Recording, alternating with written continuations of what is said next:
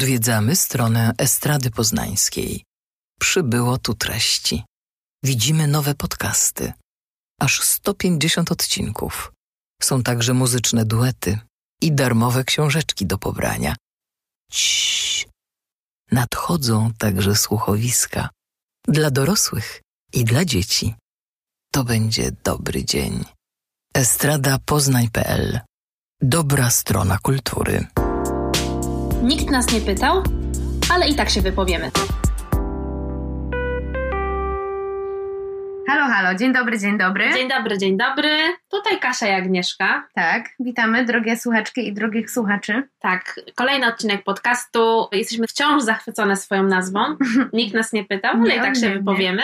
No i z okazji tego już 37 odcinek O kurde, tego wypowiadania się, chociaż nikt nas nie o to nie prosił. ale jak ktoś słucha. Ktoś słucha, więc bardzo się cieszymy, że słuchacie.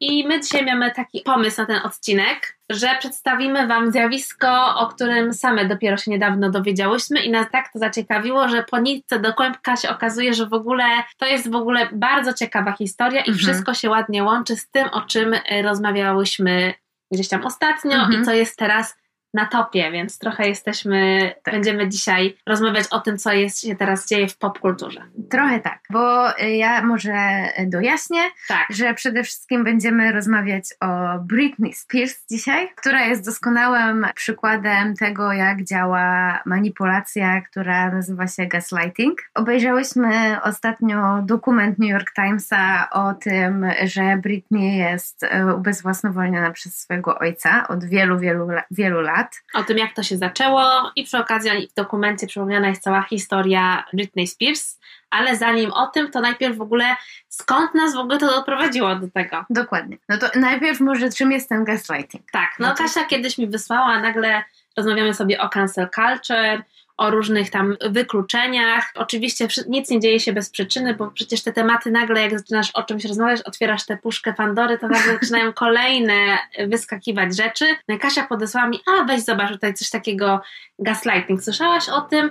No i się okazało, że to jest w ogóle bardzo skorelowane z tym, o czym rozmawiałyśmy w ostatnich odcinkach podcastów. Mhm. No i powiedz Kasia, co tam odkrasz w tym gaslightingu. No, odkryłam gaslighting w ogóle na profilu instagramowym Jamili Jamil, która sama się nazywa A Feminist in Progress, co uważam, że jest e, świetnym hasłem i że my też jesteśmy Feminists in Progress. Jest. Czyli jakby jesteśmy w ciągłym rozwoju i cały czas się uczymy i no właśnie mamy w sobie tę ciekawość, którą się z wami też nasi drodzy słuchacze i słuchaczki dzielimy i odkrywamy różne właśnie zjawiska, czy różne teksty, kultury i różne postaci, które nam coś ujawniają o, o tej naszej patriarchalnej kulturze. No i Jamila Jamil ma cały wątek na Instagramie zachowany o gaslightingu i ona tłumaczy, co to jest na swoim własnym przykładzie. Tak, bo to wiadomo, że jak czegoś doświadczysz, to potem nagle zaczynasz rozumieć cały mechanizm związany z tym, jak to w ogóle działa. Mhm. Zaczęło się od tego u Jamili, że jakiś brukowiec, jakiś tam tabloid opublikował jej bardzo niekorzystne zdjęcie, na którym ma bardzo brzydką minę i wygląda po prostu Po prostu wygląda jak opętana szaleństwem. tak. No i to zdjęcie było ilustracją do jakiegoś artykułu. Już nieważne o czym. Istotne jest to, że ten artykuł w zasadzie w ogóle nie był o niej i No zdjęcie... nawet nie została wspomniana. Po W tym artykule. To jakiś był top Mhm. czegoś tam, jakieś czegoś jakiegoś takiego, nie nie pamiętam. Też może powinniśmy to sprawdzić. No nieistotne, bo to jakby ta strategia jest bardzo czasochłonna tego gaslightingu, więc to jest jakiś tam jeden przykład, nie? Mhm. Że po prostu wyjęli jej zdjęcie bardzo niekorzystne, wy, wycięte w ogóle z kontekstu, przykleili ją do jakiegoś artykułu o czymś tam, no i tak to się właśnie ta kula śniegowa się toczy, że od słowa do słowa, od jednego niekorzystnego jakiegoś przedstawienia w mediach do drugiego i w sumie nie opartego w ogóle na prawdzie czy rzeczywistości e, jest kreowany jej negatywny wizerunek i Jamila Jamil nam tłumaczy, że to jest właśnie cała taka medialna strategia, która polega na tym, że najpierw media cię biorą na piedestał, cię wynoszą, że jesteś taka mądra, że tu, że tam, że się pojawiasz. Przepasujesz do teraz te, do opowieści tu i teraz. Tak. Że możesz się pojawić w pozytywnym świetle. Więc najpierw cię tworzą i właśnie wynoszą cię na piedestał media, a potem zaczynają dostrzegać twoje jakieś potknięcia, jakieś, jakieś historie, które nie przedstawiają cię już w korzystnym świetle. Albo które po prostu można wykorzystać Przeciwko i za, zarobić na tym więcej pieniędzy. No i tak potem się to toczy, że im wyżej na tym piedestale jesteś, tym lepiej, bo z większym hukiem z niego spadniesz Mhm. i polega to na tym, że po prostu to się sprzedaje w mediach, nie? Że jakby tanią sensacją jest to, że coś się komuś nie udało, że ktoś pękł, że ktoś się wkurzył, że ktoś na kogoś nakrzyczał, że ktoś coś źle powiedział, że ktoś jest, na, że najczęściej kobieta właśnie jest albo złą matką, albo jest wyrodną córką, albo rozbiła małżeństwo, albo jest histeryczką, albo na kogoś właśnie nawrzeszczała. I po prostu upadłe kobiety to jest temat numer jeden w mediach i sprzedaje się od zawsze, czego właśnie doskonałym przykładem będzie Britney Spears, do czego jeszcze przejdziemy. Ale tutaj, jeżeli mogę się wtrącić, to No, u tej Jamili to chyba też po prostu chodzi o to, że ona po prostu zaczęła demaskować ten Tak. gaslighting i zaczęła po prostu dochodzić praw do swojego wizerunku i to, w jaki sposób jest przedstawiana. mhm. Bo użycie zdjęcia w jakimś tam kontekście, że robi się jakieś na przykład zestawienie, no nie wiem, top histeryczek albo je- czegoś Tak. tam i używa się jej zdjęcia, chociaż nawet ona nie jest wzmiankowana w tym artykule, no to jest jedna sprawa, ale ona też jest w ogóle aktywistką Feminist in Progress Mhm. i zajmuje się taką działalnością związaną z body positive, Mhm. ma taki swój profil I Wait Mhm. I ona też ma podcast. Mhm. No i w związku z tym, że ona zaczęła zwracać mediom uwagę na to, że nie dość, że jej zdjęcie jest wykorzystywane jakby poza kontekstem, które na przykład zostało zrobione, no to też są jej słowa z podcastu też wypaczane w jakiś sposób, bo są użyte takie fragmenty albo tylko wyimki, więc bez kontekstu można temu nadać w ogóle zupełnie inną opowieść. No i wiadomo, że to jest podcast, więc jest to nagrane, więc ona przytacza jakieś tam fragmenty i mówi, że no zobaczcie, no to nie jest cały fragment, Mhm. który się do tego odnosi i że tutaj cytat jest w ogóle y, Mhm. w zupełnie innym kontekście, w innej przestrzeni powiedziany, więc to jest tylko jakiś tam fragment opowieści. No i zaczęło się takie wypunktowywanie, no i wiadomo, że jak ty za- wymierzasz w jakiś tam powiedzmy cios, no to dostajesz dwa razy mocniej. No i to zaczęła się taka wymianka, gdzie ona po prostu zaczęła to robić z niej taką osobę, która po prostu no nie potrafi przy o zdrowych zmysłach ocenić jakby co Mhm. ma do powiedzenia i Mhm. co ona w ogóle chce przekazać, że to w ogóle zaczęto, że to jest takie słowo przeciwko słowu, co ona rzeczywiście powiedziała, a co ona myśli, że powiedziała. I to jest Tak. właśnie to odbieranie tego, właśnie chyba kluczowe jest to, że jakby wzbudza się takie mm, przeświadczenie, że ktoś nie do końca wie, co robi, że w Mhm. ogóle nie jest do końca świadomy i że w ogóle coś tam się jej pokręciło już w głowie, że ona już Mhm. Tak, co jest tak, w tak. ogóle takim, wiesz, już gwoździem do trumny, bo jak ktoś ci powie, że przesadzasz i w ogóle wymyślasz, no to jakby sytuuje cię poza tym racjonalnym kontekstem Mhm. i tych nieszczęsnych emocjach, których po prostu nikt nie ma, tylko kobiety są emocjonalne. Więc od razu dostajesz taką łatkę, no tak, no skoro ja jestem poza tym sferą racjonalnego myślenia i jakiegoś takiego stanowienia o sobie, no to wiadomo, że jestem wariatką, nie? Proste.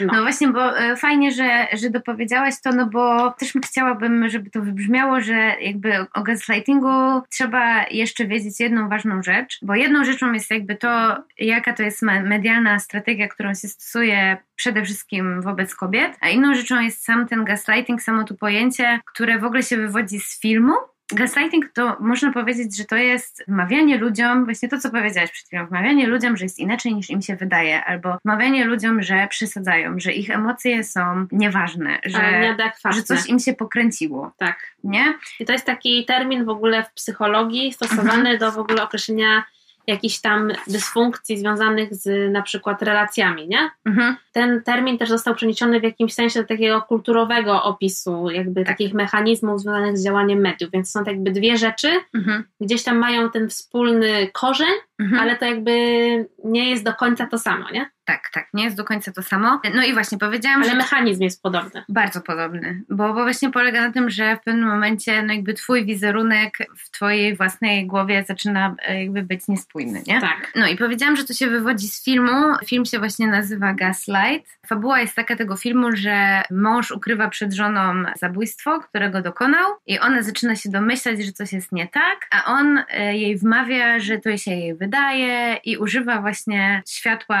lampy lampy gazowej, żeby jej jakby udowodnić, że jej się wszystko pomyliło i że tylko ona widzi, że to światło się pali. Film się kończy tak, że ona w końcu wierzy w to, że no straciła rozum, straciła zmysły, straciła właśnie ten racjonalny mhm. osąd rzeczywistości, nie? No i na ten gaslighting trzeba mega uważać, bo tak jak powiedziałaś, też wspomniałaś Agnieszka, no można tego doświadczyć właśnie na przykład w, w, nawet w bliskich relacjach, nie tylko jakby romantycznych, tak. ale nawet przyjaciele czy tak. rodzice się często dopuszczają tego. w ogóle zawod... O Jezu, to już to jest jak pracy, też taka nie? forma mobbingu po prostu, nie? No i polega to na tym, że, no, że się manipuluje czyimś osądem właśnie rzeczywistości i tego, co robi. I Podważa się tą jakąś taki sposób patrzenia na sytuację, tak, że mówi się na przykład, nie no, wydaje ci się, przesadzasz, tak.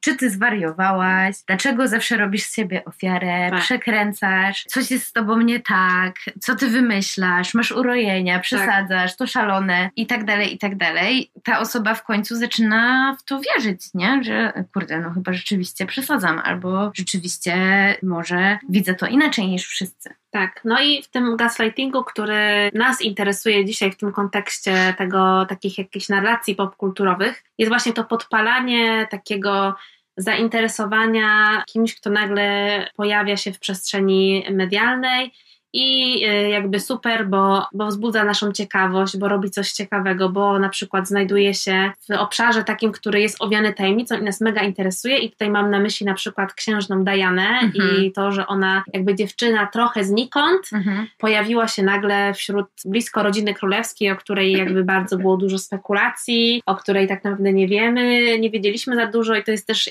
fajnie pokazane w serialu The Crown. Mhm. Właśnie jak sobie tutaj siedziałyśmy i rozmawiałyśmy, doszłyśmy do wniosku, że właśnie księżna Diana jest też takim przykładem mhm. osoby, która została zgaslightingowana. Mhm. No bo na początku super, księżna, która w ogóle jest blisko ludzi, staje się bardziej przystępną twarzą rodziny królewskiej i w ogóle no, odmienia trochę to oblicze. No ale kiedy jednak dowiadujemy się, że to nie wszystko jest takie idealne i że ona nie jest tylko tą wspaniałą księżną, która po prostu żyje swoim altruizmem u boku księcia mhm. Karola, tylko że to wszystko ma swoje pęknięcia i ona nie jest szczęśliwa w tym małżeństwie i po prostu postępuje, wydawać by się mogło nieracjonalnie, bo wdaje się w romanse, opuszcza swojego męża, postanawia, że nie chce tkwić w tym konwenansie i po prostu zacząć życie na nowo, budzi to zainteresowanie dlatego, że ona przekracza pewną granicę, mhm. bo kto może się sprzeciwić rodzinie królewskiej, kto może wyjść spod tego mhm. konwenansu, no i zostaje oczywiście to zainteresowanie spotęgowane jest też tym, w jaki sposób paparazzi do niej mhm. Y,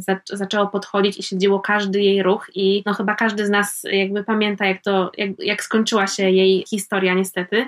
Mhm. No i po prostu wraz z tymi pęknięciami, no to ona po prostu już każde jej zdjęcie, które paparazzi zrobiło, było tylko udowodnieniem tego, że ona jest tą po prostu złą, mhm. która zostawiła swoich synów, bo tak. jest na przykład na jachcie ze swoim chłopakiem i gdzie co robi matka, gdzie są jej dzieci. No właśnie. Że ona zostawiła swojego męża i że tutaj ma romans z tym, tu z tamtym i że każde zdjęcie, jakie się pojawiło, było od razu przypisywane tej takiej jakiejś frywolności tej kobiety, która po prostu postanowiła, że nie będzie spełniała już dłużej tej roli, którą nadały jej media, czyli tej mhm. oddanej matki i opiekunki, która jest tą ludzką twarzą rodziny królewskiej. No, dokładnie, dokładnie. I że już właśnie pojawiły się pewne rysy na jej idealnym wizerunku. Tak. Ona po prostu chciała być szczęśliwa. Tak. Po prostu chciała mieć swoje życie, nie? I ta w ogóle narracja o tym, że jest właśnie wyrodną matką, no to się idealnie wpisuje właśnie w tą strategię robienia skandali wokół kobiet, bo bardzo łatwo jest je na czymś przyłapać,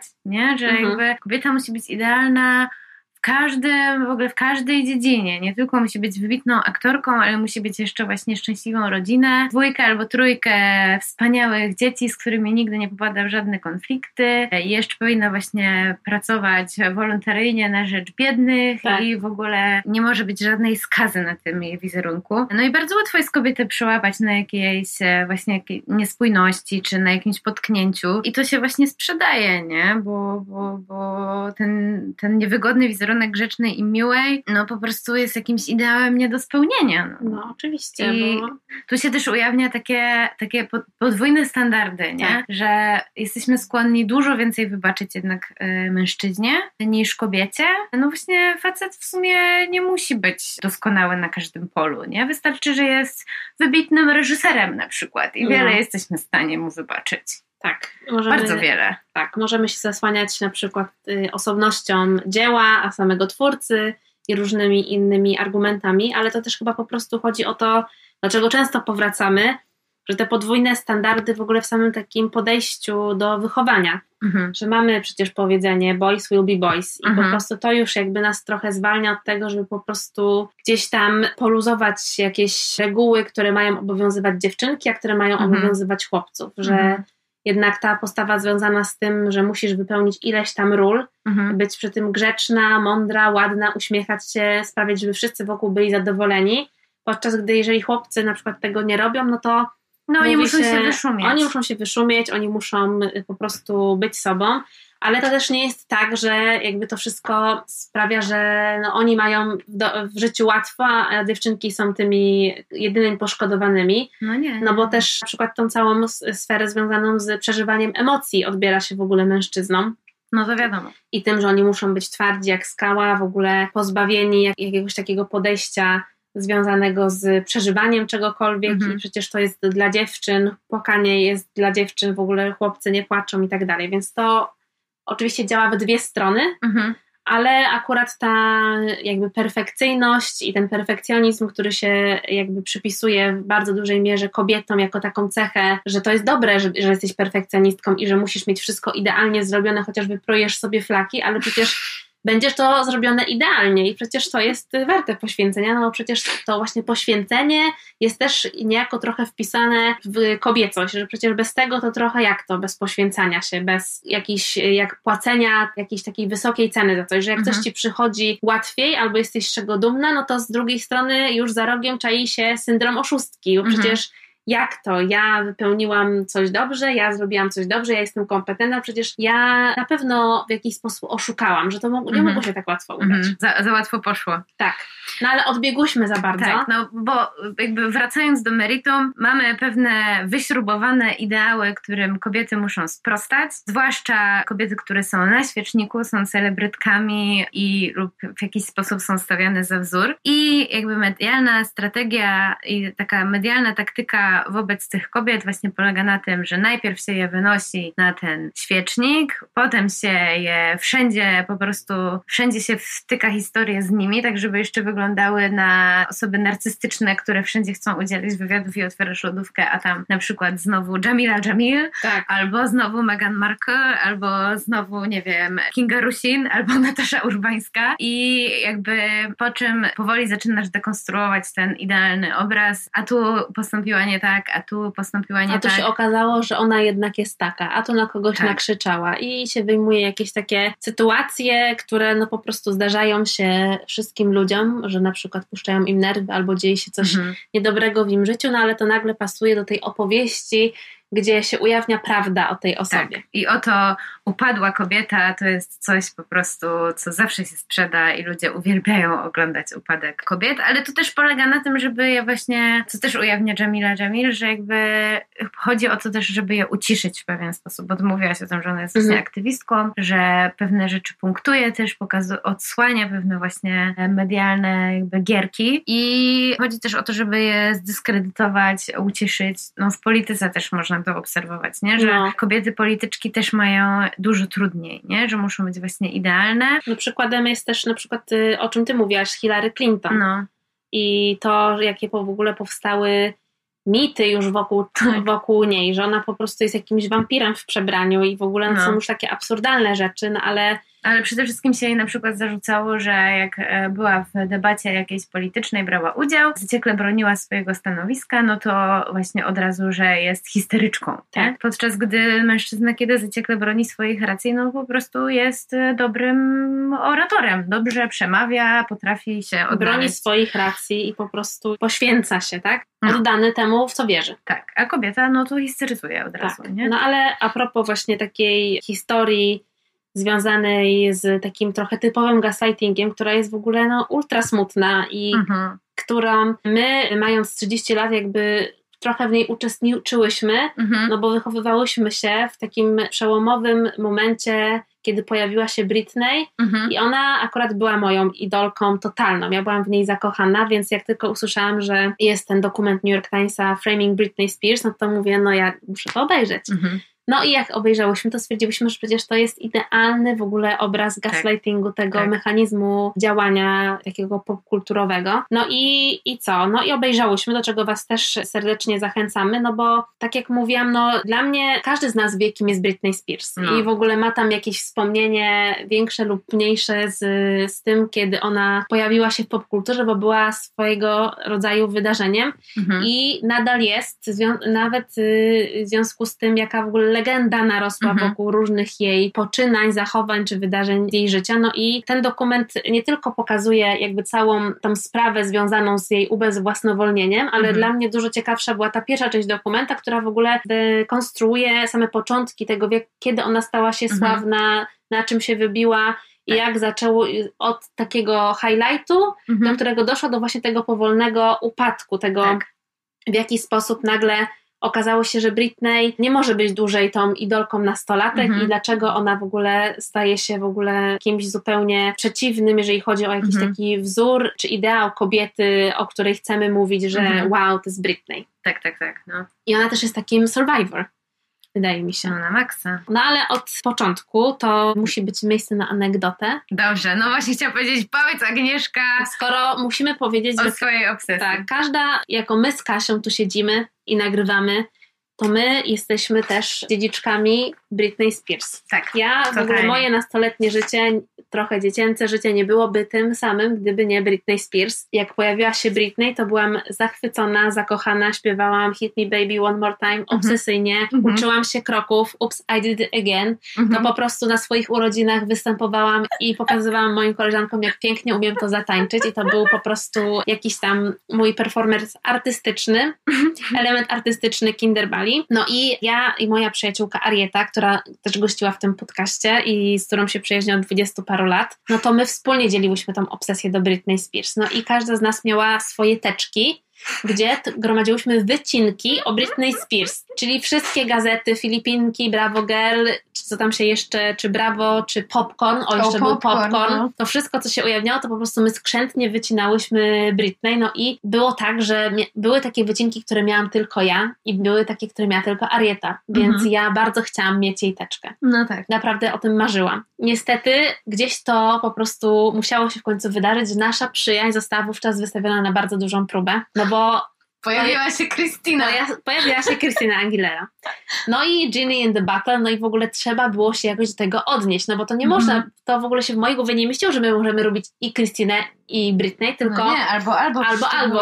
I to też była taka przecież narracja prowadzona, że w Tak. ogóle jakby nie, to nie jest tak, że są dwie gwiazdy popkultury, tylko albo, albo, że No. albo jesteś Team Britney, albo Team Christina. No, proste. Trochę były inne te wizerunki medialne nam sprzedawane, no to jakby to się nie godziło, żeby lubić dwie. To w ogóle No jakby to nie przychodziło do głowy. No i my się zastanawiałyśmy, jak się tego ustosunkować, no i pewnego dnia Arieta mi wyznała, że ona jednak chyba lubi Christina Aguilera i jej się podoba to Ginny in the.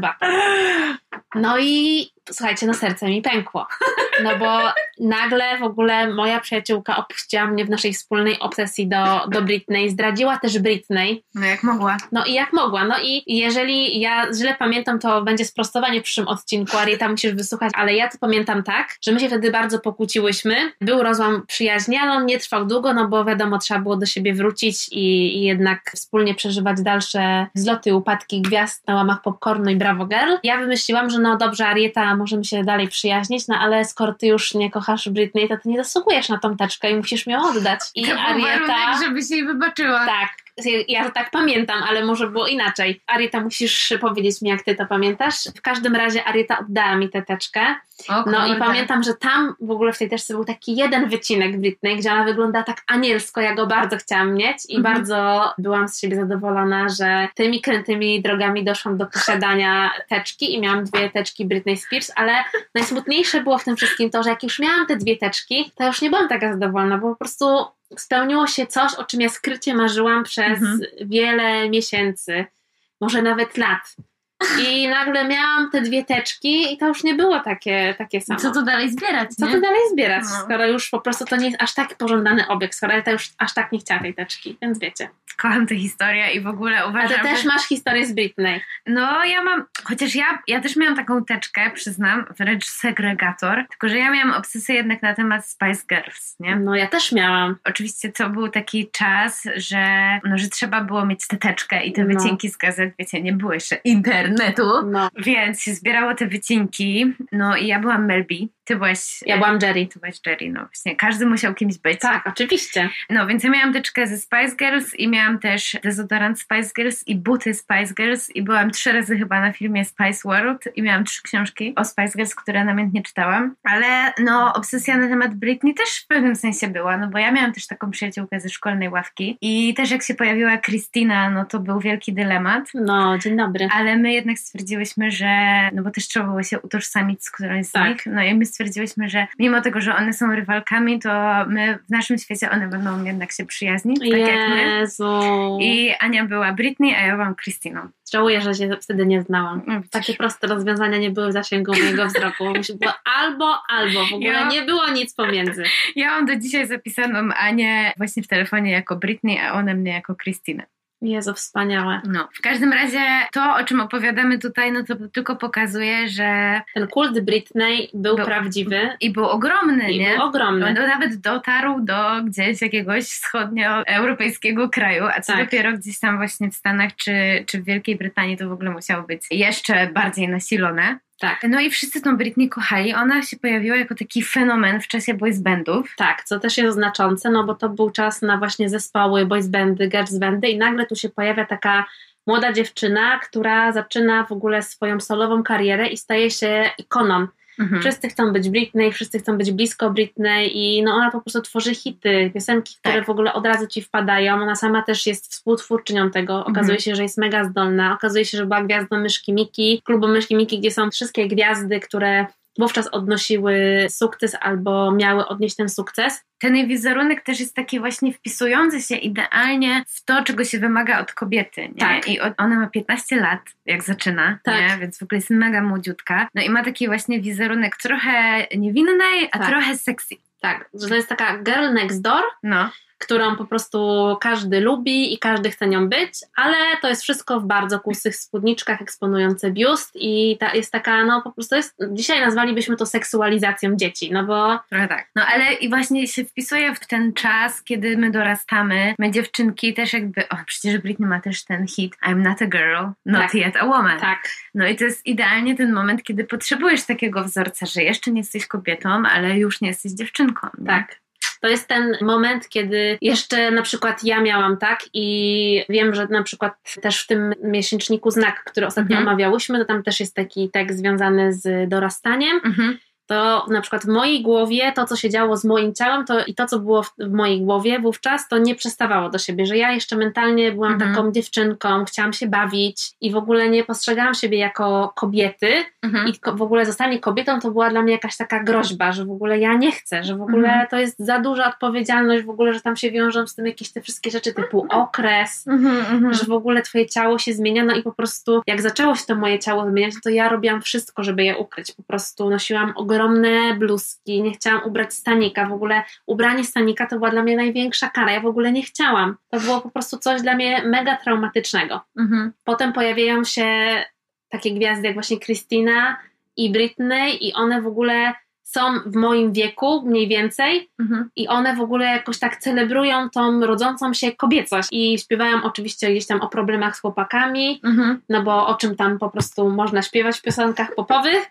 Ty sobie siedzisz w tym wielkim t-shircie i sobie mówisz, że jak to? W ogóle Mhm. to jakoś mi to nie przystaje i w ogóle ja Mhm. się nie potrafiłam do końca z tym utożsamić. No ale tańczyłaś układy. Oczywiście, że tańczyłam, ale no jakby ja byłam w swojej głowie no taką, wiesz, no nie byłam absolutnie, nie czułam się jak seksowna Britney. Mhm. I z drugiej strony jest coś, co mnie mega uderzyło i co ja jakiś czas temu sobie przypomniałam. Jakaś taka obsesja na temat dziewictwa Britney. To jest O w ogóle kurde, tak, no. to, co wtedy się działo, że po prostu na każdym numerze co tydzień Popcornu, czy Bravo, czy innej gazety, było właśnie to rozważanie, czy Britney jest dziewicą. I jak ja sobie Mhm. myślę, że teraz miałoby się coś takiego pojawić, to wydaje mi się to absolutnie w ogóle, że to by był skandal. Mhm. Ale wtedy, te, no nie wiem, 15-16 lat temu, to w ogóle nikogo nie dziwiło, że w ogóle w taki sposób się podchodzi w ogóle do osoby, do kobiety, że w ogóle nagle na łamach czasopism wszystkiego rozważasz to, czy ona jest dziewicą. Tak. No ona trochę też dolewała tej oliwy do ognia, nie? No ale wiecie, no miała kilkanaście lat, nie? Znaczy, na ile ona dolewała, na ile specjaliści od wizerunku wykorzystywali jakby Tak, same tak. to zainteresowanie, no bo wydaje mi się, że trudno tutaj mówić o no, jakiejś no. takiej świadomości jej. No ale ona podkreślała w wywiadach, że tak, że chce poczekać do ślubu i tak dalej. No więc jak się pojawił nagle Justin Tak. Timberlake i oni byli przecież tą perfect couple, tą idealną parą gwiazd, no to się Zaczął zaczęło... się psuć wizerunek idealnej Britney. No i się pojawiły pytania, czy oni na pewno tam Nic. żyją w czystości. Tak. No zresztą, co ci miała powiedzieć dorastająca dziewczyna? Jak, co to w ogóle jest za pytanie w No. wywiadzie do młodej artystki, czy w ogóle co z twoim życiem seksualnym? No, what the fuck? No masakra.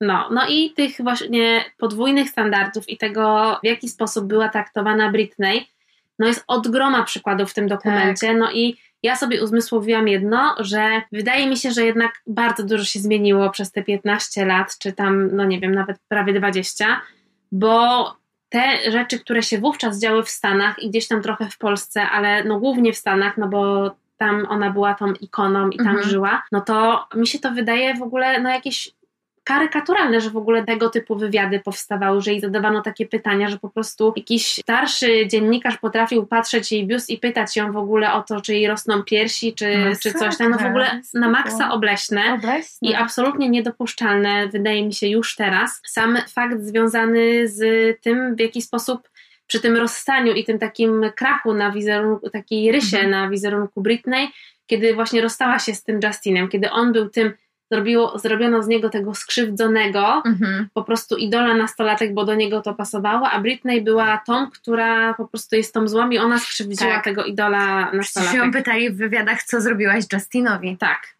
I po prostu widać Ja w tych wywiadach, że ona jest mega zakłopotana, że ona absolutnie nie wie, co Mhm. powiedzieć. I przecież tam pada pytanie, że dlaczego zrobiłaś mu przykrość, dlaczego go skrzywdziłaś?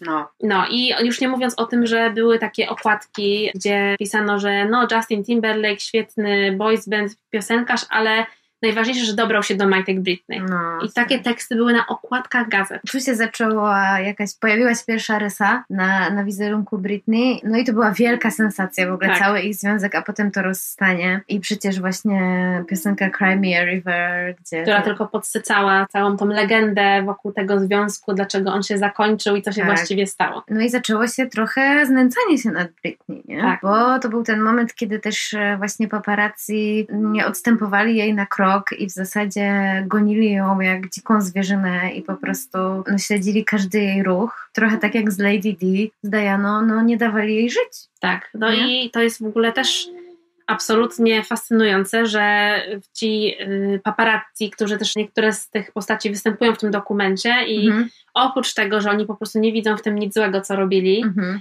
To jakby to jest jedna rzecz, która mówi ci jakby serio, po tylu latach nie widzisz, że coś tam Że mogło być nie tak. życie? Czy na jednym tchu opowiadałam o tym, że to były czasy, kiedy ten jakby kult celebrytów stał się taki naprawdę poważny i to już nie było takie czyhanie na gwiazdy wychodzące z restauracji, tylko po prostu prześladowanie tych ludzi No. i w pewnym momencie za takie zdjęcie niepozowane, które gdzieś tam kontekstowo można w jakąś narrację wrzucić, mogło dostać się nawet milion dolarów.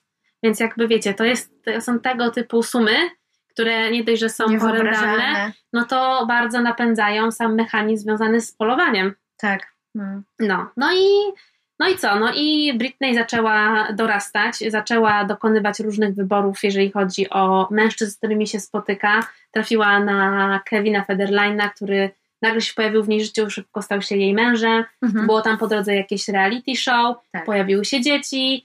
No i pojawiła No się... właśnie jak się pojawiły dzieci, to był kolejny powód, żeby prześladować Britney i ją krytykować, że jest złą matką. Tak, tutaj prowadziła samochód Tak. z dzieckiem na rękach, tu coś tam, tu gdzieś uciekała przed paparazzi i w jednej ręce trzymała tylko swoje dziecko. No i ona po prostu musiała dać serię wywiadów, dlaczego w taki sposób trzymała swojego syna, co się wydarzyło, przed kim ona ucieka i czy na pewno ona nie mogła inaczej tego zrobić, a ona po prostu mówi, że ja jestem przerażona, ja się bałam, ja po prostu mhm. myślałam o tym tylko, żeby jak najszybciej wydostać się z tego miejsca, żeby wziąć mojego syna. Ona po prostu nie miała ani chwili spokoju i o tym mhm. mówi, ale to, że ona to mówi w tych wywiadach, to w ogóle nie jest brane pod uwagę, tylko mhm. to już jest skupienie na tym, że dlaczego jesteś złą matką. Tak.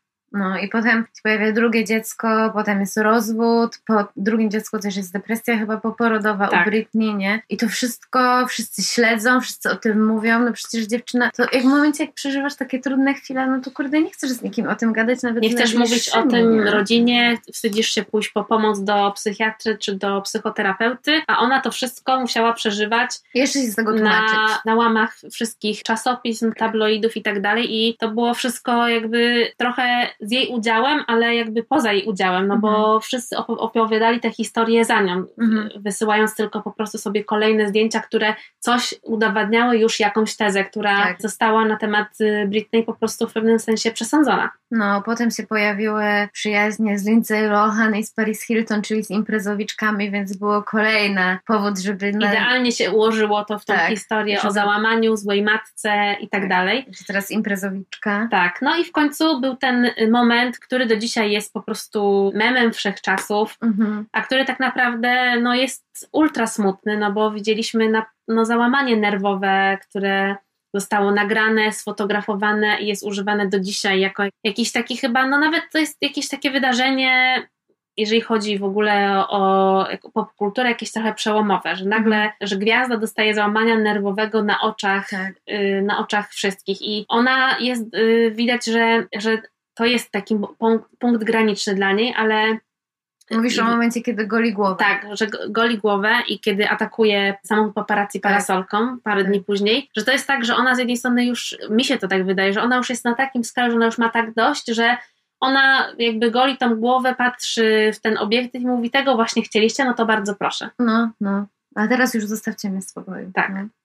No, no i potem zaczyna się serii tych załamań i tego, że ona po prostu traci kontrolę nad tym, co się właściwie dzieje, kto się pojawia w jej otoczeniu. W tym dokumencie też sugeruje się, że pojawiają się takie osoby, które niekoniecznie są jej życzliwe i wykorzystują to, że ona mm. jest sławna i tak dalej. No i zaczyna się ten jakby cały case, od czego dotyczy ten dokument, czyli ubezwłasnowolnienie Britney, która zdaniem jej otoczenia, jej najbliższych nie jest już w stanie za siebie odpowiadać. Mhm. No tak, no bo udowodniła, że jest niebezpieczna do otoczenia, że traci nad sobą kontrolę. Że nie jest w stanie zajmować się dziećmi i tak dalej. No i ten proces ubezwłasnowolnienia dochodzi do skutku, no i jej prawnym opiekunem i jakby zarządcą jej majątku zostaje jej ojciec. No. W tym dokumencie dużo jest na temat tego ruchu Free Britney i tego skąd to się zaczęło. Czy sama Britney się do tego odnosi, czy nie, i jak to wygląda w, w kwestii prawnej, jak to później wyglądało, no bo ja na przykład nie zdawałam sobie sprawy z tego, że ona już od, jest od tak długiego czasu ubezwłasnowolniona, bo ona... Mhm. Od 2008 e, chyba roku.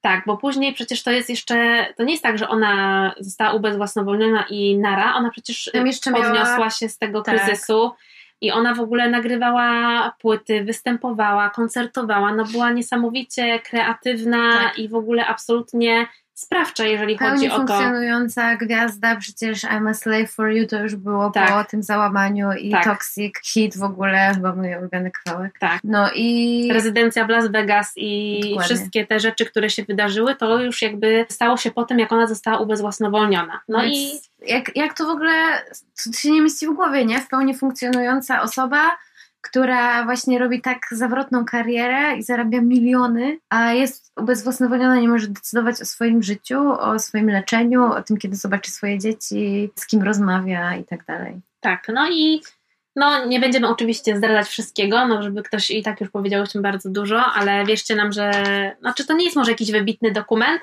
ale myślę, że jest bardzo dużo ciekawych No dla psychofanów Britney na pewno warto obejrzeć. Tak, tak fajnie to zbiera to zamieszanie z kilku lat wokół Britney mhm. i tego jakby co po kolei się wydarzyło, do czego doprowadziło i jakby jak to rzeczywiście wyglądało. No i tego właśnie ruchu, który powstał w zeszłym mhm. roku wokół Britney, czyli hashtag Free Britney. Tak. I tego, że ona niby wysyła sekretne wiadomości na swoim Instagramie. Tak, jest w ogóle cały podcast, który jest poświęcony temu, żeby interpretować treści z Instagrama Britney Spears, który tak. się nazywa Britney's Gram. Ten podcast, no i w sumie te właśnie dziewczyny, które prowadzą ten podcast też występują w tym dokumencie i one tłumaczą skąd się w ogóle wziął ten właśnie ruch Free Britney. No bo ona jest w dalszym ciągu ubezwłasnowolniona. Nie chce, żeby to ojciec sprawował opiekę nad jej osobą i też nad jej majątkiem. Tak. No tu jeszcze dochodzi do tego cała kwestia właśnie tego, że to jest maszynka do robienia pieniędzy, tak. nie? Że cały ten system e, tego ubezwłasnowolnienia i tego sprawowania kontroli nad Britney służy temu, żeby po prostu zarabiać pieniądze. Ona jest zmanipulowana totalnie. Była kilkakrotnie wysyłana do szpitali psychiatrycznych właśnie. Przekonano ją w pewnym momencie do tego, że straciła właśnie kontrolę nad własnym życiem i że ktoś się musi nią opiekować. I ona nawet teraz nie walczy o to, żeby znieść to ubezwłasnowolnienie, tylko zależy jej na tym, żeby jej ojciec już nie, nie był tym prawnym opiekunem, nie? Tak, no i wypowiadają się też w tym dokumencie prawnicy czy osoby, które gdzieś tam są zaznajomione z całą procedurą ubezwłasnowolnienia i mówią, że Tutaj przede wszystkim brakuje takiego pytania w tej całej debacie o to ubezwłasnowolnienie, czy osoba, która jest ubezwłasnowolniona, czyli Britney Spears, czy ona, jeżeli rzeczywiście byłaby w takim stanie, jak się przekonuje, że ona jest, czy ona byłaby tak wysoko funkcjonującą osobą, mhm. która zarabia, jest świadoma tego, co robi, tego procesu twórczo-biznesowego i czy osoba o tak złym stanie, jak nam się mówi, w którym ona jest, byłaby w stanie powiedzieć, że okej, okay, ja rozumiem, yy, przepraszam, tam załamanie, mam mhm. jakieś tam problemy, ale chcę, żeby mną opiekował się i moimi finansami ktoś inny. Mhm. Czy ona rzeczywiście mogłaby sobie pozwolić na ten poziom świadomości? Mhm. I to jest to pytanie, które gdzieś tam wydaje się, że w tym wszystkim odpłynęło, a które wydaje się kluczowe, bo jakby ja w mojej głowie gdzieś tam przestałam śledzić karierę Britney, to mi się wydawało, że ona jest ubezwłasnowolniona została i przestała nagrywać. Mhm. Że ona po prostu tylko gdzieś tam może jakieś koncerty, coś tam, a przecież to stało się już dobre kilka lat temu i ona po tym wszystkim robiła jeszcze zawrotną karierę. Dokładnie. Mhm. Więc y, no tutaj jest coś, coś jest na rzeczy, coś jest bardzo nie tak. On to też pokazuje, właśnie ten dokument pokazuje też to, że bardzo trudno jest taką decyzję o bezwłasnowolnieniu odkręcić. Tak. Nie? I ten e, ruch Free Britney też, wiadomo, że walczy o samostanowienie Britney i jej właśnie wrócenie jej tak naprawdę godności człowieka i prawa do samostanowienia, ale też zwraca przy okazji uwagę na to, cały ten właśnie mechanizm, to się nazywa po angielsku conservatorship, tego ubezwłasnowolnienia i że bardzo trudno jest z tego się potem wydostać, nie? Że jak tak. już raz zostaniesz ubezwłasnowolniona, no to potem, no właśnie, udowadniają ci, że no przecież byłaś w szpitalu, miałaś załamanie, no już jesteś wariatką i histeryczką, już masz tą łatkę i po prostu już po tobie, nie? Tak. No bo jak wiecie, ktoś już ma gdzieś tam zasugeruje się, że ktoś ma problemy psychiczne, no to wokół jakby tematu choroby psychicznej i jakiejś mhm. takiej po prostu problemów związanych z, z tym, no to jakby wciąż to jest ogromny temat tabu. Jest to w ogóle nie, o, nieoswojony temat, no i to już po prostu zamyka właściwie drzwi. To już jest tak, mhm. że problemy psychiczne, do widzenia w ogóle i kwestia takiego właśnie stanowienia o sobie i takiej wolności związanej z tym, że ja jestem w stanie opowiedzieć, jak się czuję, mhm. co chcę zrobić, to jest w ogóle to jest tak bardzo dla nas przezroczyste i oczywiste, bo przecież my samo stanowimy o sobie, ale kiedy odbiera się nam właśnie tą taką najbardziej podstawową rzecz, czyli to, w jaki sposób chcemy o sobie powiedzieć, co chcemy o sobie powiedzieć i w jaki sposób chcemy podjąć decyzję, no to się okazuje, że to jest w ogóle na maksa frustrujące i stresujące. Mhm. I uważam, że żeby w ogóle zrozumieć cały ten mechanizm, to koniecznie trzeba obejrzeć film, który się pojawił w zeszłym mhm. tygodniu na Netflixie, I Care A Lot. I on właśnie świetnie pokazuje, jak wygląda ten proces ubezwłasnowolniania i mhm. odbierania wolności. To jest taka, to jest bardzo przewrotny film. Film, który na pewno nie, nie obejrzycie go w spokoju i który dostarczy Wam bardzo dużo dziwnych emocji podczas jego oglądania ale świetnie pokazuje cały ten mechanizm i to, do czego to jakby doprowadza, jakby ta ograniczenia wolności i to, że ktoś może zakwestionować to, że możesz samo stanowić o sobie. Mhm. Więc ja bardzo polecam w zestawieniu, żeby sobie to połączyć, bo, bo to jakby bardzo dope dopełnia. Mhm. No dobra, i przechodząc do wniosków. Tak, koniec, już Przechodząc wnioski. do wniosków, przede wszystkim wydaje nam się, że sam gaslighting jest sprawą wartą naświetlenia i warto się też przyjrzeć relacjom, które mamy z nawet z najbliższymi i zobaczyć, czy ktoś czasem nas nie gaslightinguje i czy nie kwestionuje naszych emocji i naszego prawa do posiadania różnych emocji i nie mhm. wmawia nam, że jesteśmy wariatkami. Po drugie, ciągle zdejmujemy stygmę ze zdrowia psychicznego i podkreślamy, że można mieć załamania i można się z nich podnieść i że załamanie nerwowe to nie jest koniec świata i w, zwłaszcza w tym pochrzanionym świecie współczesnym jest po prostu częste i po prostu trzeba o siebie dbać. Tak. Trzecia rzecz to jest taka, żeby nie wierzyć we wszystko, co piszą tabloidy. O, nie eureka, eureka. No ale żeby też się może też przyjrzeć temu, dlaczego ktoś, jakaś e, celebrytka nas denerwuje i czy to nie jest czasem tak, że to właśnie media kreują taki negatywny wizerunek, a może ona sama nie jest wcale temu winna i nie jest wcale wyrodną matką albo wyrodną albo córką. głupią lasią. Albo głupią lasią. I też jakby bardzo fajnie można pod tym kątem obejrzeć sobie dokument o Taylor Swift, o którym, o którym już mówiłyśmy, tak. który też jest na Netflixie. I Taylor to jest też osoba, która została totalnie zgaslightingowana. Totalnie. No. I pomyślcie sobie też o Meghan Merkel i zobaczcie sobie, w jaki sposób o niej mhm. pisano i zaczęto nagle o niej pisać, tak. jak, w jaki sposób zmieniła się opowieść o niej. No, dokładnie. No i co? I tyle chyba, nie? I tyle od nas. Zostawiamy Was z takim przemyśleniem. I pamiętajcie, że... Free Britney. Free Britney, dokładnie. I dobrego dnia wszystkim oprócz tacie Britney. Tak. Nikt nas nie pytał, ale i tak się wypowiemy. Producentem podcastu jest Estrada Poznańska. Wszystkie odcinki znajdziesz na estrada.poznan.pl